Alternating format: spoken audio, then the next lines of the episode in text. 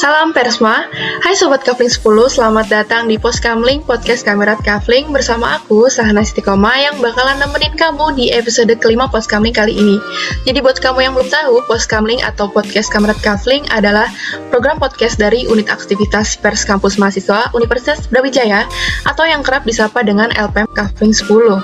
Selain itu, di Pos Kamling kita juga bakal banyak banget nih ngobrolin berbagai topik seputar jurnalistik, isu-isu sekitar kampus, nasional, maupun dunia. Pasti kalian udah gak sabar banget kan buat dengerin episode kelima Poskamling kali ini. Nah, jadi di episode kelima Poskamling kali ini kita bakalan ngomongin isu yang belakangan ini cukup hangat diperbincangkan di masyarakat. Isu yang dibahas yaitu soal isu emansipasi wanita, serta kaitannya dengan paham-paham seperti feminisme dan stigma perempuan nih Soka. Tak lupa kita juga sudah menghadirkan seorang narasumber yang sangat keren. Beliau adalah seorang pegiat isu-isu kesetaraan gender terhadap perempuan dan juga anggota dari Women March Malang. Keren banget kan Soka? Yuk langsung kita sapa aja narasumber kita yang luar biasa, Kak Aulia Iza. Apa kabar nih Kak? Boleh dong disapa Soka yang lagi dengerin podcast kali ini. Perkenalkan, namaku Aulia, kebetulan juga alumni dari Universitas Brawijaya ya. Saya dari jurusan Sosiologi angkatan 2018. Omong-omong soal kesibukan, kesibukan kakak akhir-akhir ini kira-kira ngapain nih kak? Kalau kesibukan saya secara pribadi itu sekarang saya sedang menjadi tutor gitu untuk saya juga apa mengikuti riset gitu ya di tempat saya kebetulan seperti itu sih. Oke, langsung aja nih Kak, tanpa basa-basi lagi, kita langsung omongin tentang kesetaraan gender yang semakin ramai diperbincangkan dalam kehidupan masyarakat. Terlebih lagi sekarang banyak aksi yang menyuarakan tentang kesetaraan gender tersebut. Dan juga hal ini sering dikaitkan dengan paham feminisme.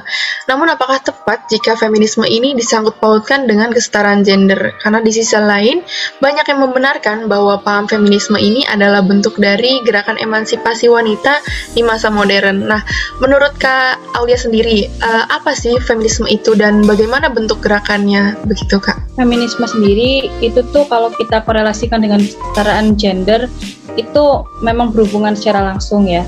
Jadi kalau kita lihat bagaimana perkembangannya dari abad ke-18 sampai sekarang gitu ya, baik itu di belahan dunia barat maupun belahan dunia timur, setiap gejolak yang dialami oleh perempuan terutama dan kaum minoritas lain itu akan menyebabkan adanya perubahan-perubahan seperti perubahan ideologi gitu ya di beberapa kelompok yang kemudian awalnya itu merasa bahwasanya status quo saat itu itu merugikan mereka.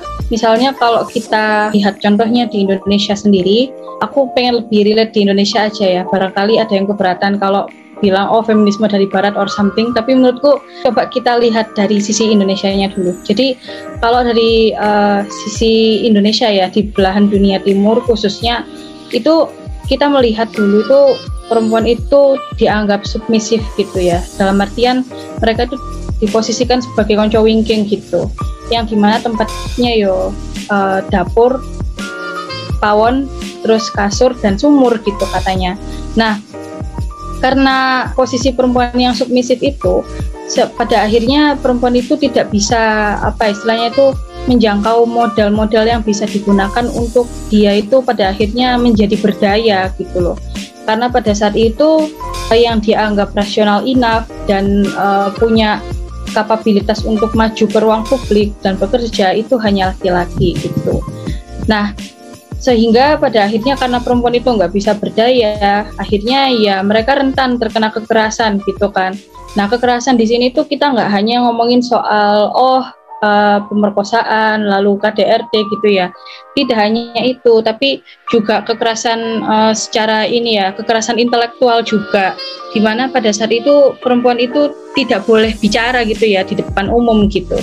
Uh, dalam artian uh, apa namanya pendapat-pendapat mereka itu selalu diasosiasikan dengan perasaan-perasaan uh, yang sifatnya emosional dan tidak logis gitu.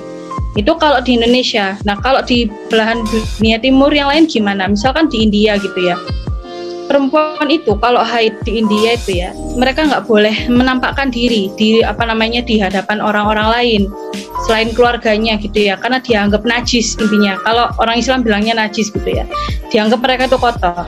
Nah, sehingga pada akhirnya di contoh-contoh yang tadi itu dari apa contoh perempuan di belahan dunia timur di negara berkembang tadi itu itu menunjukkan bahwasanya perempuan itu dari sisi modal mereka nggak diberdayakan lalu gerakan intelektual seperti mereka hai dianggap kotor dan mereka nggak bisa menyuarakan pendapat mereka di ruang publik itu pada akhirnya membuat perempuan perempuan-perempuan saat itu itu semakin berpikir uh, apakah mereka itu posisinya uh, dianggap sebagai manusia atau sebagai bayangan saja gitu. Jadi saya rasa perkembangan feminisme dengan uh, isu-isu kesetaraan gender itu memang saling berjalin dan gitu karena awalnya status quo-nya itu perempuan tidak berdaya lalu mereka itu mengalami apa ya semacam pergolak pergolakan gitu ya pergolakan gitu. Akhirnya muncullah itu si apa namanya feminisme itu. Cuman ya mungkin namanya aja feminisme gitu ya. Tapi kalau di uh, apa namanya di Indonesia ya oke okay, nyebutnya uh, pergerakan perempuan gitu ya. Jadi istilah-istilah tersebut itu yang mungkin saat ini itu membuat eh, orang-orang uh, uh, mungkin yang masih awam gitu ya. Itu enggan untuk tabayun dulu gitu. Feminisme oh produk liberal oh ateis dan lain sebagainya yang itu nggak make sense gitu sih. Karena nama feminisme sendiri itu kan sebenarnya berasal dari kata femininity ya atau perempuan gitu. Yang memang awalnya itu berasal dari apa namanya pelopornya itu memang perempuan gitu loh. Tapi apakah monoton perempuan aja gitu kan? Tentu saja tidak karena uh, di setiap zaman itu kan pasti terjadi perubahan isu gitu ya jadi semisal kalau dulu itu condong ke arah eh, hak-hak uh, politis, hak-hak untuk meraih keberdayaan gitu ya. Nah kalau sekarang ada pemikiran-pemikiran postmodernisme gitu ya. Nah itu biasanya kita berpikir ulang gitu. Perempuan itu apakah monoton perempuan saja gitu?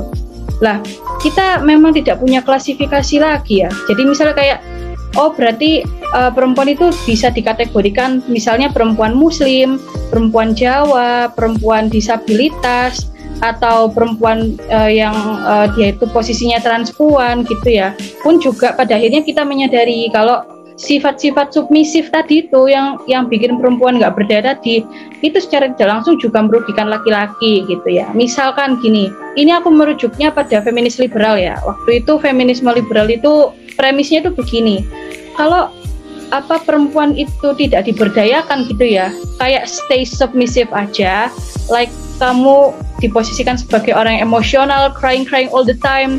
Nah, itu tuh merugikan laki-laki sebenarnya. Karena laki-laki yang udah biasa dengan rasionya tiba-tiba dia menikah dan dipasangkan dengan perempuan yang irasional kata mereka yaitu justru nyusahin laki-laki. Karena kalau ada masalah ujung-ujungnya ya laki-lakinya doang yang mikir gitu kan atau yang dibiasakan mikir gitu. Sehingga pada akhirnya oke okay, berarti yang harus diberdayakan itu akses perempuan terhadap uh, apa pengetahuan politik dan hak-hak mereka gitu. Jadi begitu ya apa apa namanya uh, keterhubungannya antara feminisme dengan kesetaraan gender gitu jadi baik di belahan dunia barat maupun di belahan dunia timur itu masing-masing ya punya isunya masing-masing dan feminisme sendiri itu ya memang tumbuh dari gejolak-gejolak yang hadir di tengah-tengah kita gitu. Baik, terima kasih atas jawabannya ya Mbak ya. Sangat wah. Berarti uh, kita langsung dapat insight baru bahwa feminisme itu ya memang timbul ketika perempuan merasa didiskriminasi, perempuan merasa uh, tidak mendapatkan peluang yang sama begitu ya Mbak ya. Akhirnya dengan ada feminisme ini akhirnya perempuan itu tergerak untuk berusaha lebih baik lagi dan bisa setara dengan kaum laki-laki. Baik, uh, seperti yang Mbaknya sudah bilang tadi bahwa feminisme ini kan mengalami perkembangan sesuai dengan zaman. Nah, baik dari segi pemahaman dan juga jenisnya. Salah satu yang kerap dibahas sendiri yaitu toxic feminisme. Sebenarnya menurut Mbak Aulia sendiri, toxic feminisme itu apa dan perbedaannya dengan feminisme radikal itu bagaimana, Mbak? Oke, okay. um, sebenarnya uh, I'm not really sure ya untuk menjawab toxic feminism gitu ya. Karena sebetulnya kalau aku sendiri menganggapnya kalau ada diksi toxic feminism aku bah, bahkan baru dengar sih ada kata toxic feminism ya. Aku taunya toxic femininity ya. Kalau ada diksi toxic feminism yang barangkali diartikan oleh orang-orang itu sebagai sikap-sikap agresif para perempuan gitu ya terhadap laki-laki misalnya yang mereka cenderung memusuhi laki-laki gitu. Atau uh, mereka dianggap bahasanya nggak enak or something aku cenderung untuk tidak menyepakati diksi itu. Karena justru pada akhirnya diksi-diksi itu yang membuat perjuangan para perempuan itu jadi bias nantinya. Misalkan uh, apa muncul diksi toxic feminisme itu ternyata karena uh, perempuan itu terlalu too loud gitu ya di medsos misalnya. Ngomongin ini ngomongin itu dan lain-lain.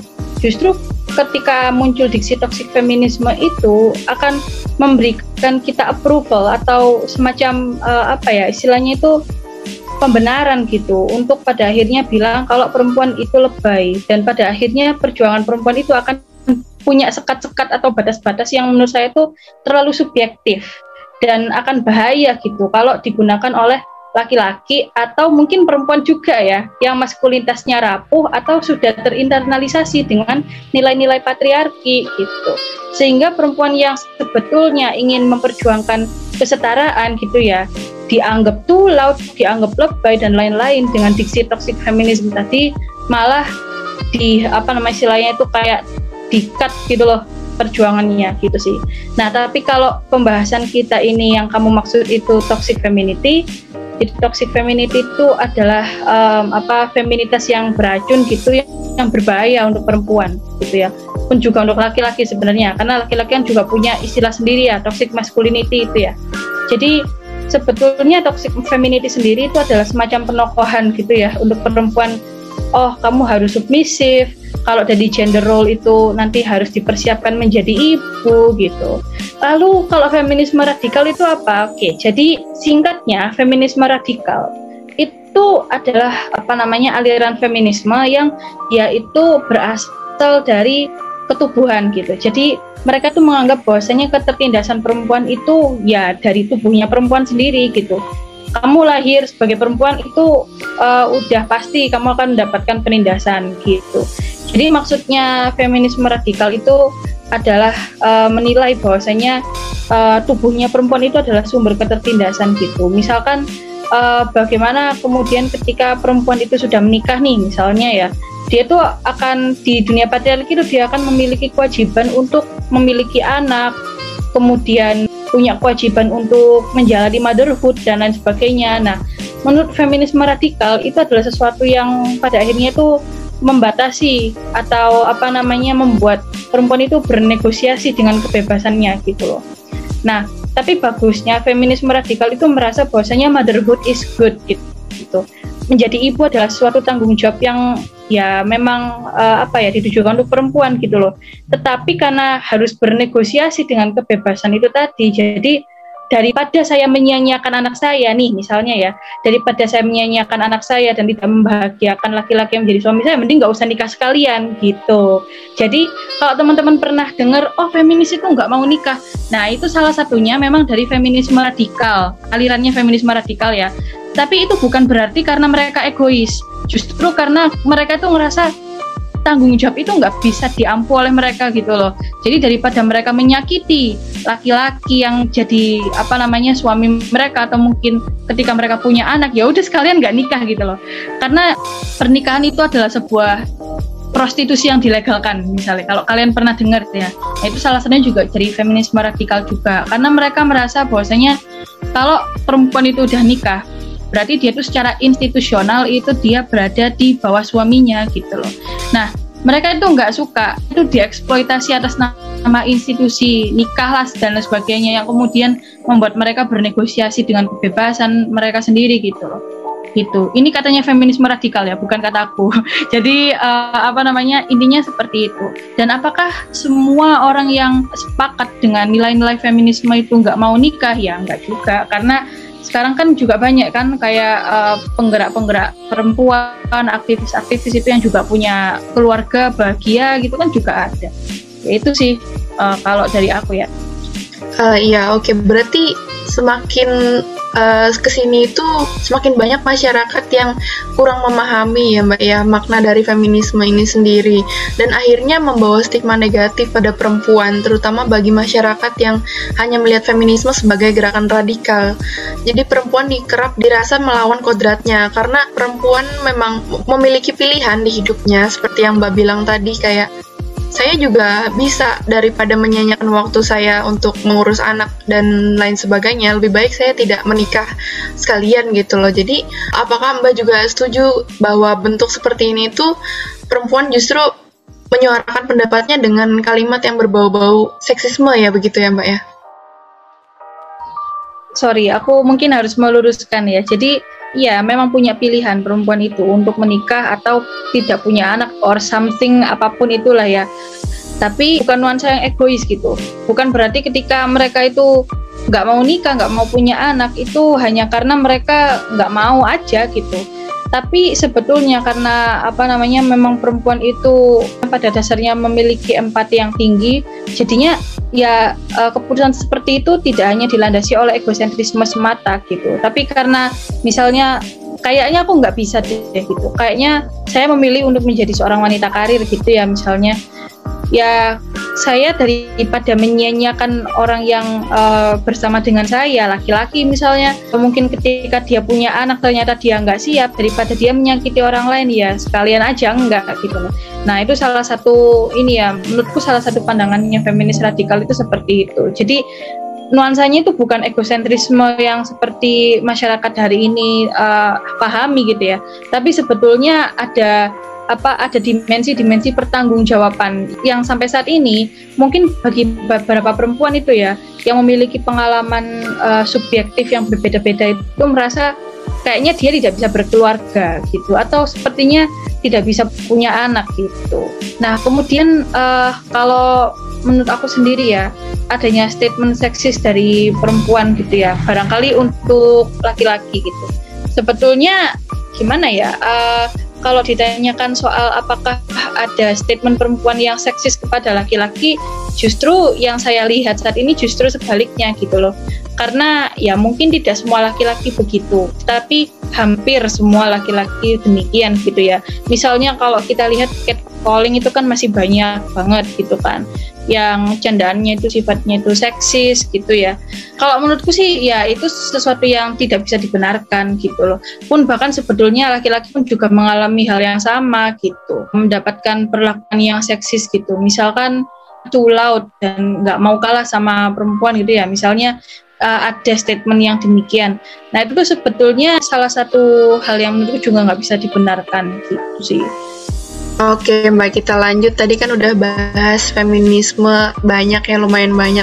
Nah membahas feminisme sendiri ini kan pasti menjadikan perempuan sebagai subjek utamanya ya. Dan karena gerakan-gerakan feminisme yang semakin banyak saat ini Lantas apakah dalam lingkungan masyarakat itu sudah mulai terbuka dengan kodrat perempuan gitu Yang tidak selamanya kodrat perempuan itu di dapur dan lain-lain gitu? Apakah sekarang masyarakat sudah mulai menerima bahwa kodrat tersebut itu salah dan karena ada gerakan ini masyarakat semakin open minded gitu mbak. Jadi kalau menurutku masyarakat itu lumayan terbuka menurutku ya sekarang ya. Tapi ini uh, pertanyaan tadi membuat saya terpantik ya untuk mengingat temuan saya di lapangan waktu riset gitu. Jadi saya tuh satu bulan yang lalu itu sempat riset di sebuah desa ya di kota Mojokerto gitu Lalu risetnya itu berbicara tentang gerakan perempuan dalam konflik lingkungan gitu ya. Karena faktanya di sana itu perempuan-perempuan di sana itu e, karakternya itu mereka adalah petani gitu ya, ibu rumah tangga dan e, bukan bermaksud mendiskreditkan mereka e, punya gap pengetahuan yang cukup jauh ya dari kita gitu. Belum ada yang kuliah gitulah intinya. Nah, tetapi uniknya itu mereka itu saya tanya nggak merasa tertekan dengan beban-beban uh, pergerakan gitu ya. Pun juga dengan beban domestik gitu. Karena uh, ketika saya apa tanyain seperti itu jawabannya adalah do ya karena uh, sebuah rumah tangga itu kan kerjasama ya mbak ya. Kalau saya mengurus pergerakan saya aksi saya demo. Nah itu uh, apa namanya suami saya yang masak, yang bersih-bersih rumah itu suami saya. Atau mungkin kalau saya lagi di sawah, lagi di Tegal, nah yang jemput anak-anak siapa? Ya suami saya gitu. Jadi justru ya ketika kita ngomongin soal feminisme itu kan kayak apa ya nuansanya itu ini tuh kayak isu-isu orang urban, orang perkotaan gitu ya. Tapi ternyata isu-isu seperti ini tuh sudah menyentuh akar rumput gitu, terutama perempuan-perempuan desa yang bahkan menurut saya sendiri ya itu tuh kayak justru orang-orang uh, yang ada di akar rumput, yang ada di level desa ini loh yang lebih paham terhadap uh, kesetaraan atau gender role gitu ya. Nah, uh, temuan ini menarik gitu karena uh, yang membuat menarik itu justru di tengah-tengah kita yang saat ini tuh sudah berpendidikan gitu ya, yang aksesnya terhadap uh, apa namanya isu politik dan lain sebagainya itu justru lebih mudah, malah kita yang bermasalah dengan kodrat, gender role dan lain sebagainya gitu. Padahal hal-hal tersebut itu justru bisa diselesaikan sesimpel Anda saling mengerti gitu loh kakak mengerti dengan adiknya, ayah mengerti dengan ibunya, uh, sorry, suami ngerti istrinya dan sebaliknya. Sesimpel itu sebenarnya. Tapi yang membuat uh, hal itu rumit dan justru menyengsarakan satu pihak ya uh, apa namanya nilai-nilai patriarki itu sendiri gitu ya. Yang kemudian justru kayak lebih condong laki-laki itu harus kerja aja perempuan ya udah ngurus anak walaupun perempuan kerja ya nggak boleh ditinggal urusan domestiknya gitu ya.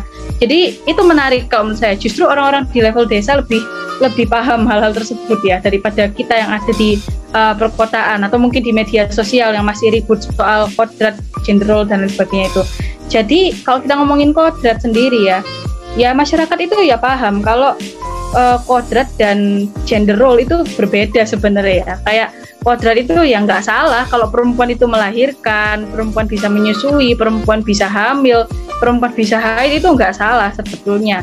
Nah, yang salah itu adalah ketika kodrat atau atribut biologis tadi itu afiliasikan dengan uh, role role role tertentu atau ekspektasi gender tertentu gitu ya kayak misalnya oh perempuan ya lahir dengan vagina berarti harus hamil harus punya anak nah itu agak apa ya agak bermasalah. Kenapa? Karena tidak semua perempuan bisa hamil tidak semua perempuan juga bisa apa namanya melahirkan ya. Karena sekarang kan juga ada perempuan yang memang tidak bisa karena mereka uh, sakit ya atau punya riwayat kanker dan lain sebagainya gitu. Atau mereka trauma karena menjadi korban pemerkosaan misalnya jadi nggak bisa berhubungan seksual dengan suaminya misalnya yang membuat uh, apa namanya uh, role-role di masyarakat bermasalah yaitu tadi afiliasi yang menurut saya kurang rasional lah gitu. Nah kalau kondisinya masyarakat sekarang gimana ya? Seperti yang udah aku jelasin tadi, di level desa itu udah ada apa ya perubahan yang cukup banyak menurutku. Nah tapi ini yang justru di apa tempat kita yang justru entah kenapa gejolak-gejolak untuk saling mengkonter itu tuh masih banyak gitu loh. Oke, okay, saya setuju banget sih sama mbaknya yang tadi bilang. Jadi kan feminisme ini sebenarnya hanya mendukung kesetaraan antar sesama perempuan itu ya tidak bisa sepenuhnya dibenarkan gitu. Jadi bisa kembali kepada uh, pribadi masing-masing dan seperti yang Mbak bilang tadi, justru kalau misalkan masyarakat yang bukan urban itu cenderung atau condong malah masih membutuhkan peran laki-laki gitu ya Mbak ya. Dan di sisi lainnya dalam pemikiran masyarakat sendiri banyak yang melihat feminisme sebagai bentuk dari radikalisme terutama dalam hal feminisme yang dinilai merupakan paham yang membenci laki-laki karena feminisme selalu mempusatkan fokusnya pada perempuan. Nah, mungkin uh, Mbak Aulia ada pesan yang ingin disampaikan nih untuk semua pendengar podcast mengenai topik yang tadi kita udah bahas dari uh, feminisme mulai dari A sampai Z mungkin Mbak ada pesan atau ada closing statementnya gimana Mbak? Ya, uh, jadi sebetulnya yang dilawan oleh feminisme itu bukan laki-laki ya, karena justru perlawanan kita mm, membutuhkan tenaganya laki-laki juga gitu. Karena sebetulnya kan uh, apa aliran-aliran uh, ini kan muncul karena keresahan uh, di sisi perempuan tuh juga di sisi laki-laki gitu. Tadi kan juga sempat dibahas ya, disenggol dikit soal toxic masculinity gitu. Nah, yang rugi siapa ya kan laki-laki juga kan. Nah, uh, makanya itu uh, kalau pesanku uh, banyak tabayun aja lah ya gitu. Jadi mungkin ada beberapa kelompok baik di ranah politik ya atau mungkin di ranah komunitas atau mungkin di level mahasiswa juga ya itu yang mungkin tiba-tiba kurang sepakat sama feminisme gitu tiba-tiba bilang feminisme itu aliran barat dan lain sebagainya ya kalau saya bilang mereka kurang baca aja sih gitu. Dan kurang banyak ngobrol sama orang-orang. Kalaupun diajak ngobrol itu udah jelek duluan pikirannya gitu. Uh, to be honest saya dulu sebenarnya uh, agak julid ag agak sewot gitu ya sama feminis gitu karena mereka tuh kayak tadi banyakkan ngomong di media and mereka tuh bahasanya agak daki-daki gitu tapi karena memang pengen tahu aja gitu ya jadi oh sebenarnya ini ideologi yang baik gitu untuk untuk digunakan sebagai pertimbangan di tingkat kebijakan maupun di ranah privacy gitu. Jadi ya apa salahnya untuk belajar gitu sih. Jadi ya sebelum tidak menyetujui, sebelum mengkritik, sebelum nggak mau deket-deket lagi lah itu. Uh, minimal belajar lah ya, minimal belajar tanya-tanya gitu dan hilangkan uh, apa namanya istilahnya itu pemikiran-pemikiran buruk yang sifatnya asumtif gitu. Uh, itu aja dari saya. Terima kasih teman-teman udah apa namanya memberikan saya kesempatan untuk berbicara. Semoga yang saya sampaikan tadi mudah dipahami dan uh, bisa bermanfaat untuk teman-teman. Oke, terima kasih kembali Mbak Aulia. Jadi mungkin buat Soka bisa dijadiin reminder ya, bisa buat keep in mind juga bahwa feminisme ini ya paling nggak kita pelajari dulu gitu ya. Kita cari tahu informasi sebanyak-banyaknya sebelum mengutarakan pendapat gitu. Karena pendapat yang kita keluarkan di sosial media itu belum tentu uh, sama implementasinya dengan kehidupan sehari-hari. Seru banget nih pembahasan kita kali ini ya. Nggak kerasa kita udah berada di akhir episode kelima dari dari Poskamling nih Soka. Terima kasih kami sampaikan kembali untuk Kak Aulia selaku narasumber kita kali ini yang telah menemani dan berbagi banyak hal seputar isu kesetaraan gender, emansipasi dan juga feminisme. Tak lupa juga uh, saya ucapkan terima kasih buat Soka yang udah mendengarkan Poskamling sampai akhir ya. Jangan lupa untuk dengerin kita terus di Poskamling dan jangan lupa untuk follow semua media sosial kita dengan username @lpmkafling10 dan selalu pantau web kita di kafling10 gmail.com. Aku Sana Istiqomah sebagai podcaster pada kali ini pamit undur diri. Mohon maaf apabila ada salah-salah kata nih Soka. Sampai jumpa di episode menarik post selanjutnya ya. See you.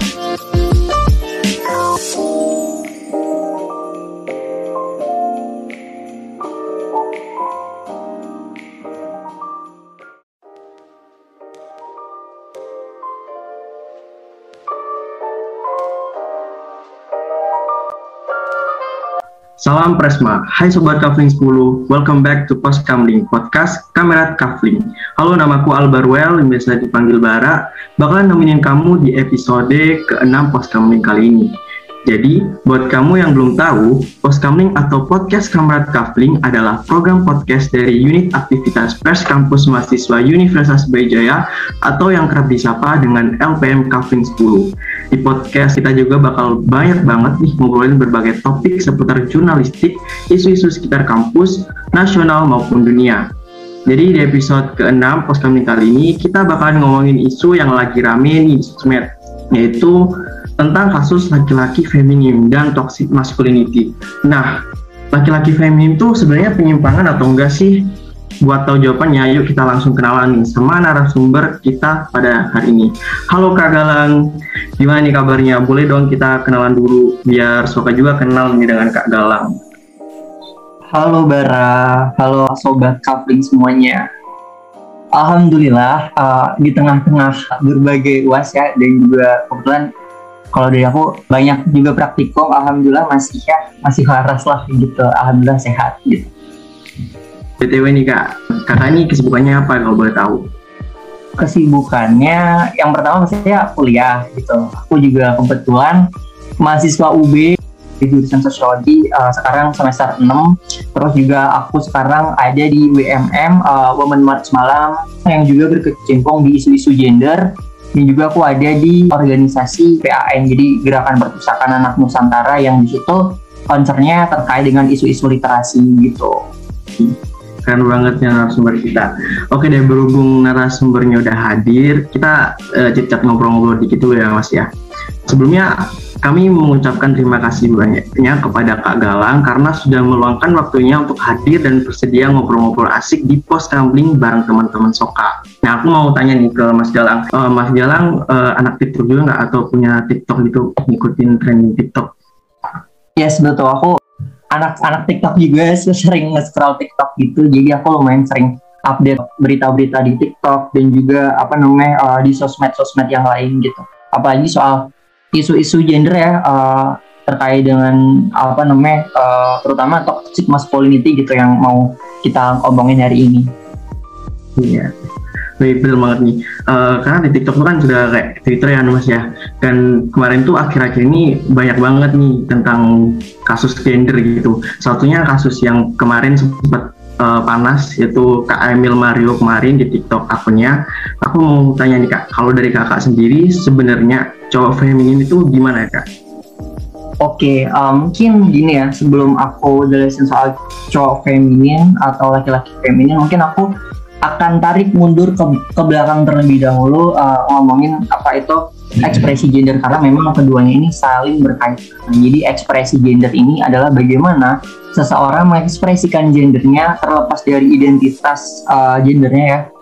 Uh, sesuai dengan apa yang ia rasakan dan ia inginkan. Uh, jadi seseorang ini bisa terlihat lebih maskulin, bisa terlihat lebih feminin yang uh, kita dalam konteks ini hari ini kita bahas dan juga bisa terlihat lebih androgin gitu. Jadi uh, kalau dalam konteks uh, cowok feminin atau laki-laki feminin berarti laki-laki yang memang uh, memiliki sifat dan mungkin proporsi sifat kewanitaannya itu lebih lebih banyak atau lebih dominan begitu.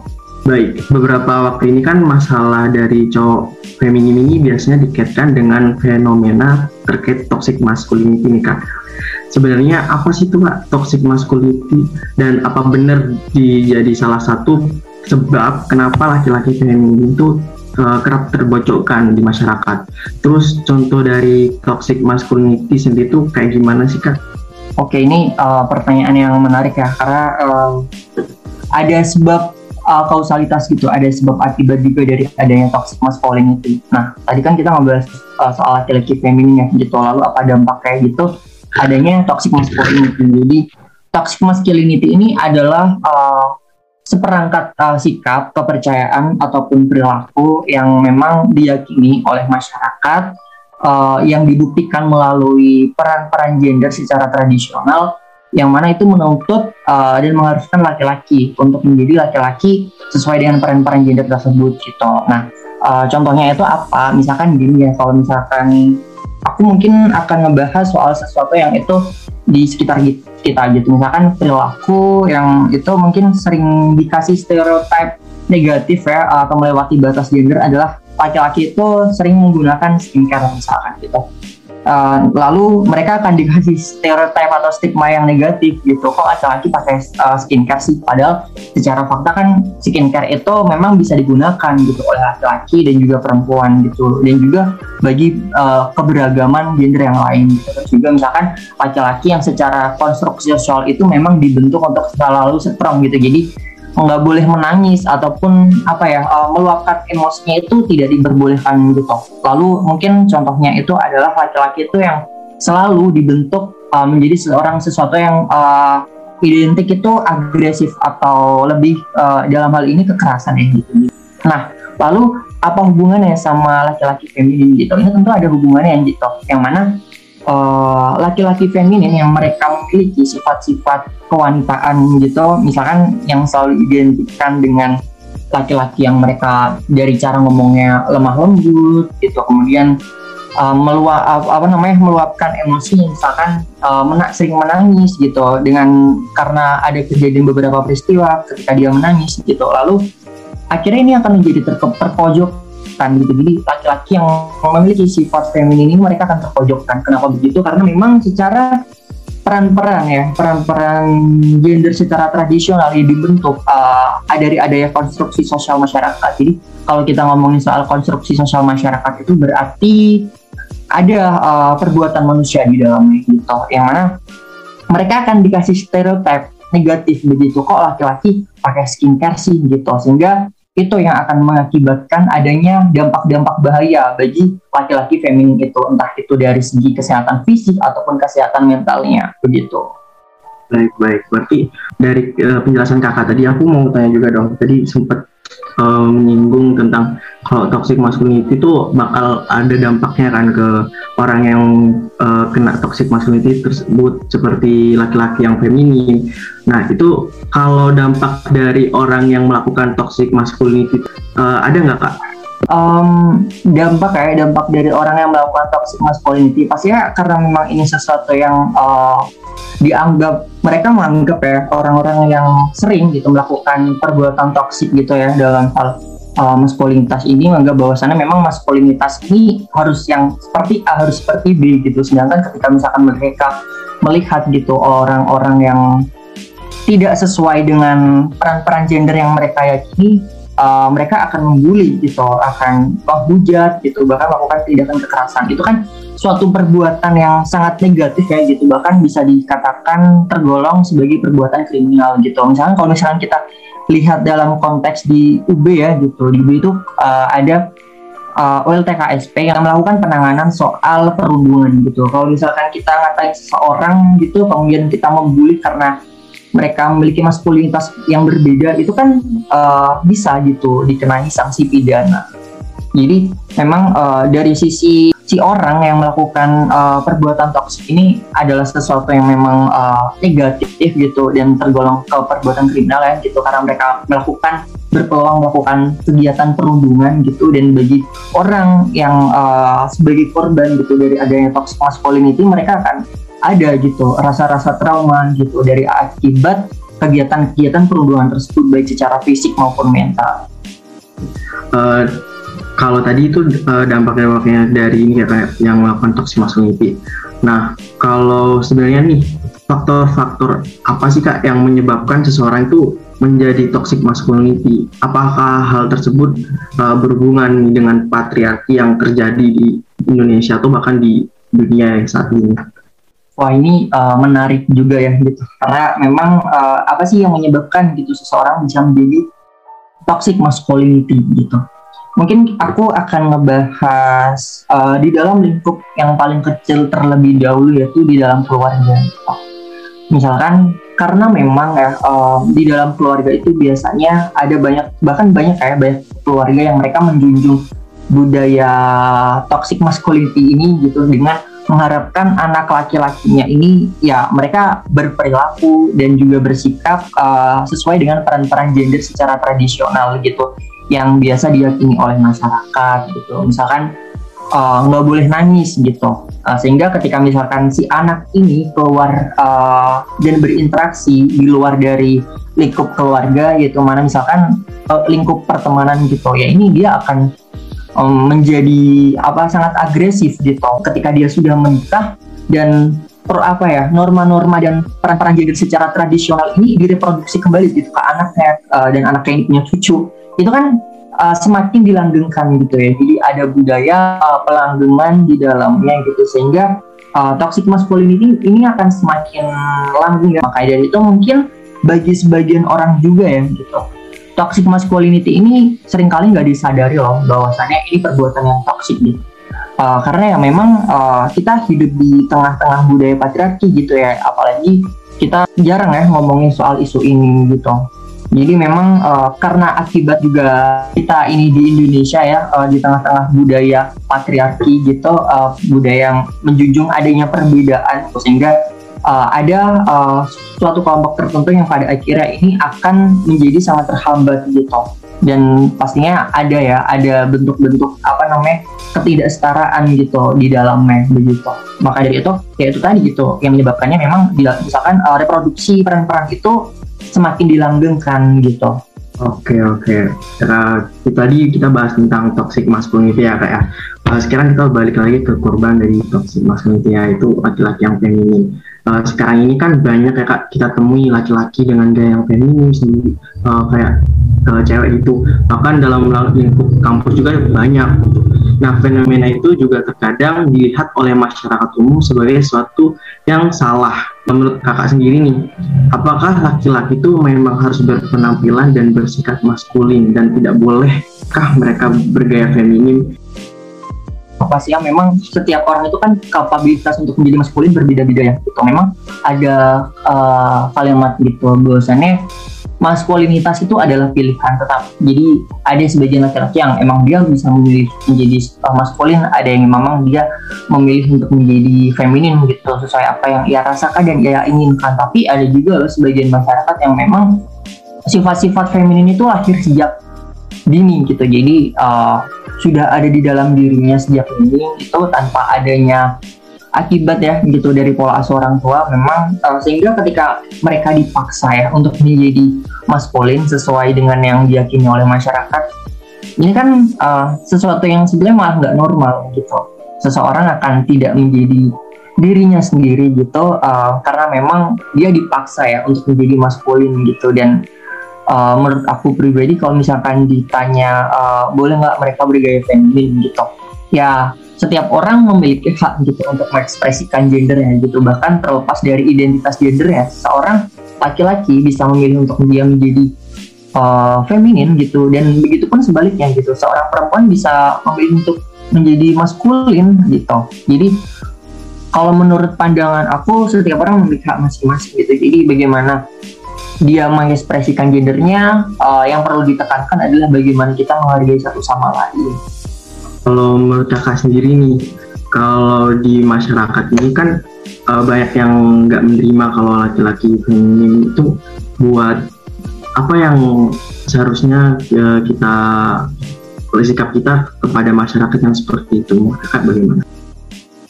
Oke ngomongin soal langkah konkret ya obrolan-obrolan yang seperti ini uh, di dalam podcast ini ya misalkan kita ngomongin soal toxic masculinity ini kan akan memberikan ya, pemahaman kepada orang-orang lain yang mungkin belum tentu mengerti gitu. Jadi uh, dengan adanya kita sering ngobrolin soal isu-isu ini gitu, kemudian kita sering berdiskusi, apalagi uh, yang memang sering suka nongkrong gitu ya kita bisa bawa isu-isu ini ke dalam tongkrongan kita gitu. Kalau misalkan ada teman kita yang misalkan dia lagi sedih gitu ya, uh, mungkin ada ya orang yang nyala eh kok uh, kamu laki-laki nangis sih? Gitu. Ya kita harus membantu dia untuk uh, apa namanya untuk bagaimana dia melampiaskan uh, kesedihannya gitu. Dalam arti dia nggak apa-apa sedih gitu. Kesedihan itu kan sesuatu yang sebetulnya bersifat alami gitu ya. Uh, selagi kita manusia kita masih punya hati gitu kita masih bisa sedih gitu. Dan itu reaksi alami gitu di dalam uh, di dalam diri kita masing-masing gitu. Jadi ya semakin kita ngobrolin isu-isu ini terus kita ngebantu teman-teman untuk uh, ngejelasin gitu sesuatu yang mana mereka kurang paham. Kalau mereka yang memang uh, mereka dibatasi gitu. Karena memang uh, secara maskulin itu dirasa masyarakat memiliki anggapan yang berbeda. Uh, kita coba bantu juga di situ. Aku rasa itu sih langkah-langkah konkret yang uh, bisa dilakukan gitu untuk membantu gimana caranya uh, toxic masculinity ini memang nggak boleh dilakukan begitu. Dan memang sebuah isu serius ya gitu. Karena memang ini berhubungan dengan kesehatan fisik dan mentalnya seseorang. Oke kak. Lanjut ya ya. Nah ngomong-ngomongin tentang toxic masculinity dan laki-laki yang feminim nih, uh, apakah benar bahwa uh, toxic masculinity ini tuh dapat membuat laki-laki yang feminim itu menjadi membatasi dirinya gitu? Atau uh, berkarya itu mereka minder itu tidak bisa menjadi diri sendiri gitu. lalu kenapa bisa lebih banyak laki-laki yang menganut toxic masculinity, masculinity ini dibandingkan perempuan? Pasti ya gitu. Uh, toxic masculinity ini pasti akan membatasi, ya seseorang untuk menjadi dirinya sendiri gitu. Bahkan bagaimana seseorang itu mengembangkan minat dan bakatnya. Misalkan kalau kita ngelihat uh, para uh, para desainer baju ya yang mereka uh, lebih mayoritas juga laki-laki gitu. Mereka punya kemampuan untuk mendesain baju gitu yang itu dianugerahi gitu.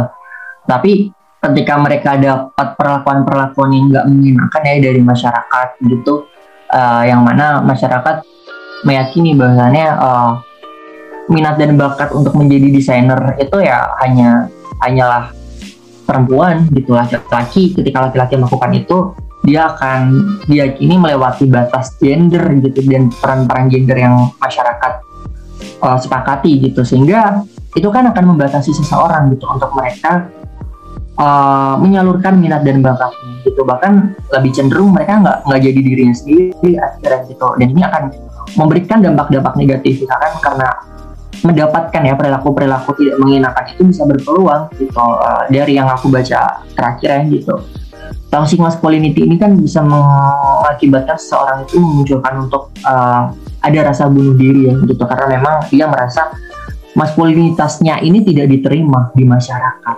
Dengan dia memiliki proporsi sifat feminin yang lebih dominan akhirnya dia tidak diterima. Akhirnya memunculkan hal-hal uh, solusi-solusi yang memang itu uh, sepintas gitu. Misalkan dengan cara bunuh diri gitu lalu kenapa bisa ya lebih banyak laki-laki gitu? Menurut aku pribadi uh, ada juga kok uh, perempuan-perempuan yang mereka uh, menganut toxic gitu masculinity. Mereka menganggap kalau misalkan laki-laki itu nggak boleh ini nggak boleh itu gitu. Pada mereka nggak menerima realitas ya bahasanya uh, maskulinitas itu diberikan gitu dan uh, diberikan uh, diberikan yang berbeda-beda di setiap orang gitu. Sehingga setiap orang nggak bisa un untuk menjadi orang lain juga gitu. Ketika mereka dipaksa itu kan dampaknya juga akan mempengaruhi dari segi mental yang aku bicarakan tadi gitu.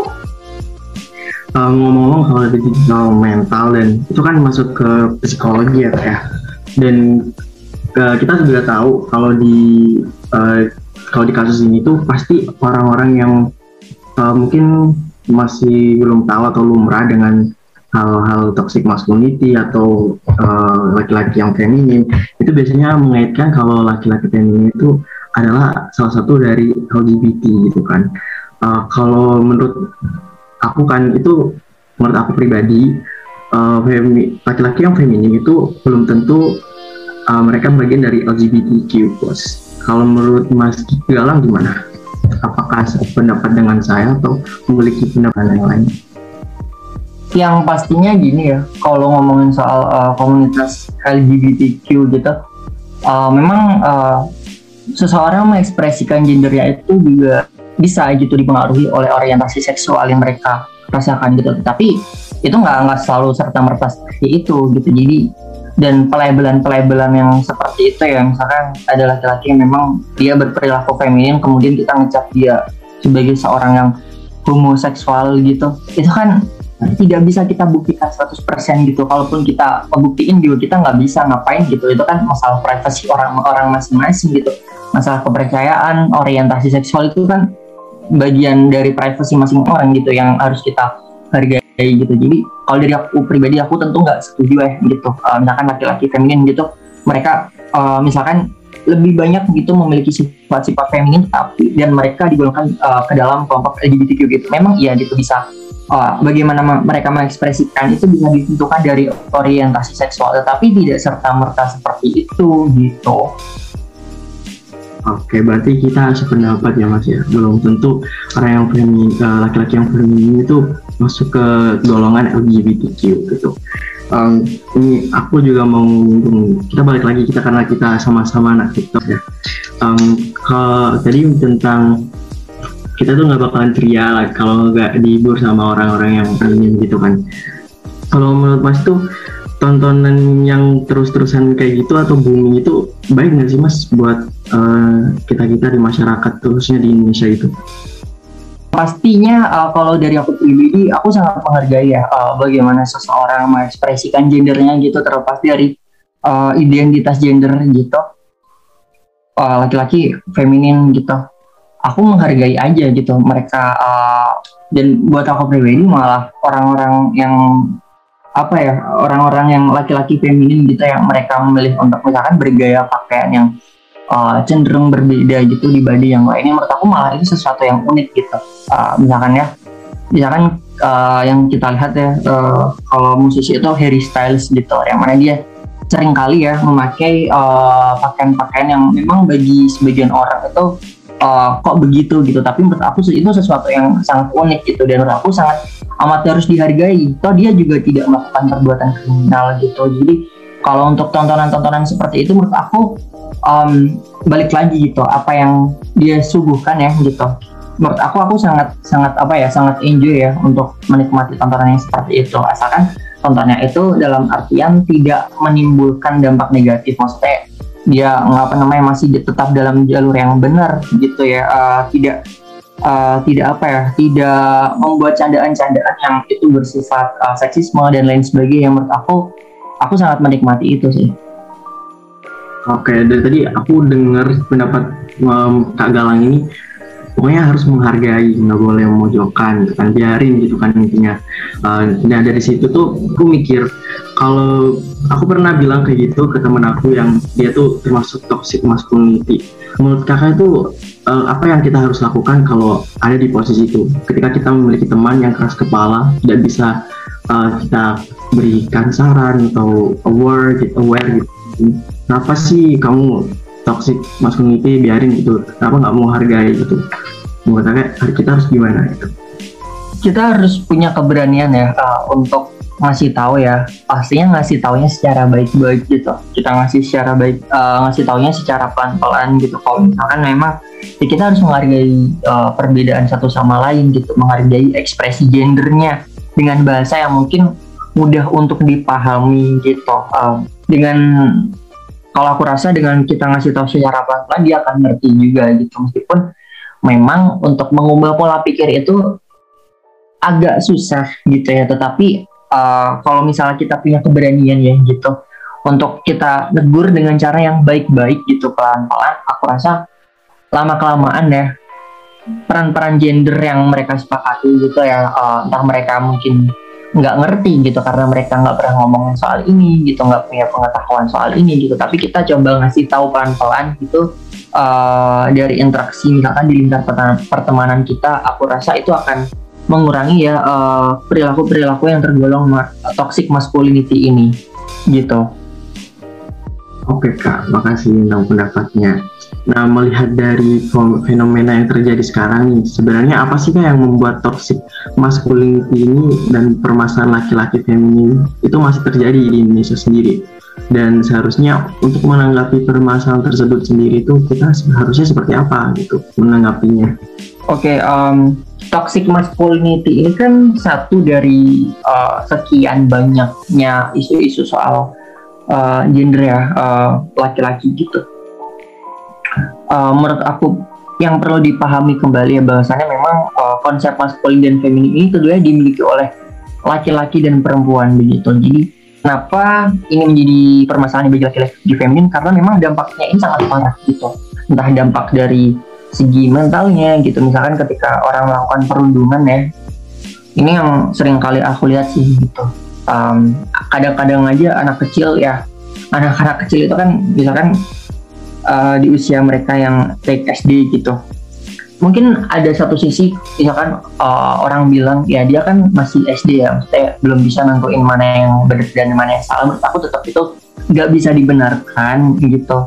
Uh, sehingga dia merundung temannya yang misalkan memiliki maskulinitas berbeda gitu. Jadi um, dampaknya memang separah itu gitu akan menciptakan trauma-trauma yang dari individu ini untuk menimbulkan ya uh, akhirnya keputusan-keputusan yang nggak normal gitu. Misalkan bunuh diri juga uh, depresi dan lain sebagainya begitu.